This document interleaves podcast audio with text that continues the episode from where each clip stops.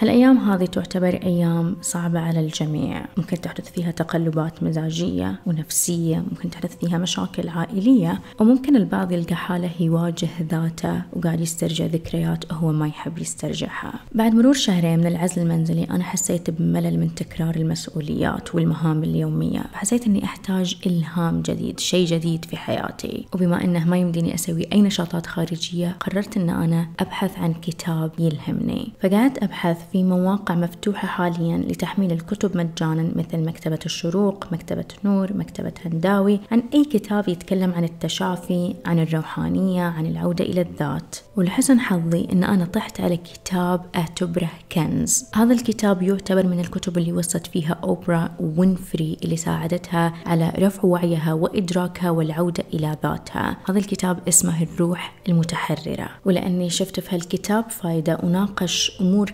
كثيرة أنا أعرفها قبل بس بطريقة مختلفة قلت أسوي فيديو يوتيوب أشارككم فيه أهم الدروس اللي تعلمتها منه أول الطرق اللي راح تساعدك في تحرير روحك هي كيف تتعامل مع الألم. الألم شيء لا مفر منه في هذه الحياة. حنا معرضين للألم كل يوم. أنت لما تصحى من النوم الكافي حقك مخلص بتشعر بالألم. لما شاحن الجوال حقك مخلص بتحس كذا قلبك يعورك. ممكن أحد من أهلك يقط عليك كلمة تشعر بالألم. فالألم لا مفر منه لا يمكن تجنبه. فقوتك تكمن في طريقة تعاملك مع هذا الألم. وأكثر الناس حنا نلجأ إلى إيش؟ إلى حنا ندفنه ونخزنه داخل أجسامنا. وفي الأخير يطلع علينا على شكل أمراض نفسية ولا اضطرابات سلوكية. فخلونا نذكر مثال نناقش فيه كيف أنا ألجأ إلى تخزين الألم داخلي وكيف ألجأ إلى التحرر من الألم وقت حدوث مشكلة. فلنفترض مثلا أنك كنت مرتبط أو على علاقة والعلاقة هذه انتهت. فطبيعي أنك بعد العلاقة هذه تشعر بالمشاعر السلبية بالحزن باليأس وأنه أبواب الحياة قفلت في وجهك. فأنت تلجأ إلى تخزين هذا الألم داخلك لما تردد بينك وبين نفسك أنا إنسان جدا ضعيف أنا ليش قاعد أفكر فيها؟ أنا لازم أنساها أنا لازم أشوف أحد غيرها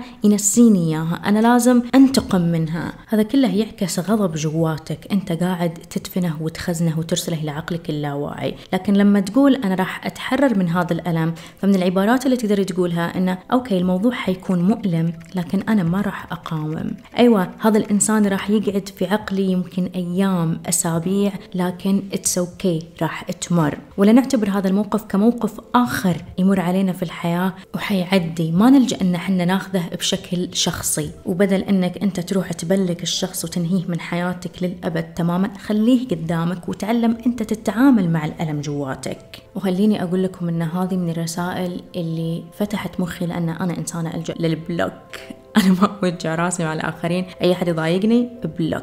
الآن بس اكتشفت روبي أنك أنت مو قاعدة تحمي نفسك بهالطريقة لكن قاعدة تهربي وتقاومي الشعور بالألم. لذلك ضروري نعرف رسائل الألم. الجسد دائما يتواصل معك ويحاول أنه يرسل لك رسائل عن طريق الشعور بالألم. فمثلا إذا جاك ألم في الرقبة ممكن هذا يعكس عدم مرونتك في الحياة أنك عنيد أنك متمسك بآرائك. إذا جاك ألم أعلى الظهر ممكن يعكس أنك مو قاعدة تحس بالحب اللي أنت تحتاجه. الدعم العاطفي اللي أنت تحتاجه أو أنت ماسك الحب جواتك مو قاعد تشاركه الآخرين. أما إذا الألم أسفل الظهر فممكن أنت تمر بضائقة مالية أو عندك قلق. تجاه المستقبل المستقبل غير واضح بالنسبة لك. فهذه كلها رسائل من جسدك هو يبغى يقول لك هدي رخي وجد حل لهذه المشكلة. وإذا تبغوا تعرفوا أكثر عن هذا الموضوع أنصحكم بقراءة كتابين هما هيل يور بودي والكتاب الثاني فك شفرة الأعراض والأمراض. أما النقطة الثانية اللي نلجأ لها للتحرر هي ضرورة إدراك أنك أنت مو الصوت اللي داخلك وجوات راسك.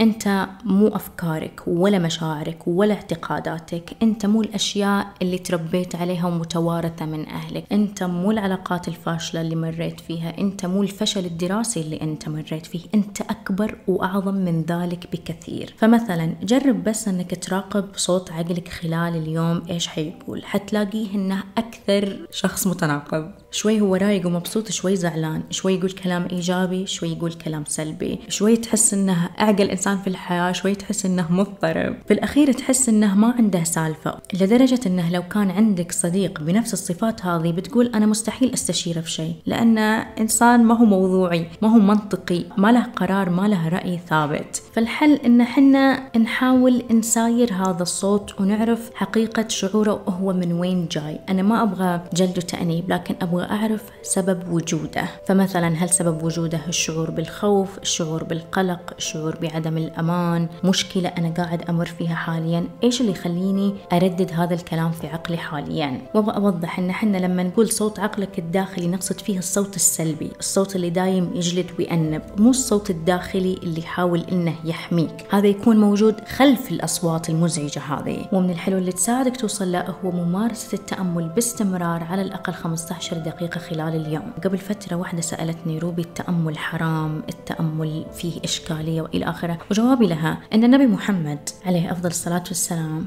قبل لا ينزل عليه الوحي كان يقعد في الغار يتأمل ويتفكر. ما جاه الوحي إلا وهو في وقت هدوء وسكون وخلوة. هذا الوقت هو اللي صوت رب العالمين يكون فيه أعلى من أي وقت ثاني. هذا الوقت اللي رب العالمين يبغى يتواصل معاك فيه. يعني رب العالمين ما أرسل جبريل للنبي محمد وهو قاعد في السوق ولا هو قاعد وسط أهله. لا لكن أرسله وهو وقت خلوته. فالتأمل يا جماعة يعتبر من أفضل الطرق اللي تساعدك في الرجوع إلى حقيقة ذاتك والاستماع إلى صوتك وصوت عقلك الداخلي. أما النقطة الثالثة اللي ودي أسولف عنها وهالنقطة هذه ناقشتها نظرية الاختيار اللي أنا قاعدة أدرسها حاليا وهي أن سبب من أسباب معاناة البشر في الحياة هو عدم تطابق الواقع الخارجي مع واقعهم الداخلي فيعيشوا في صراع. وخلوني أقول لكم أن هذا سبب من أسباب الحروب في العالم والاختلافات والطلاق والمشاكل اللي لا تنتهي. خلونا ناخذ مثال عشان توضح الصورة.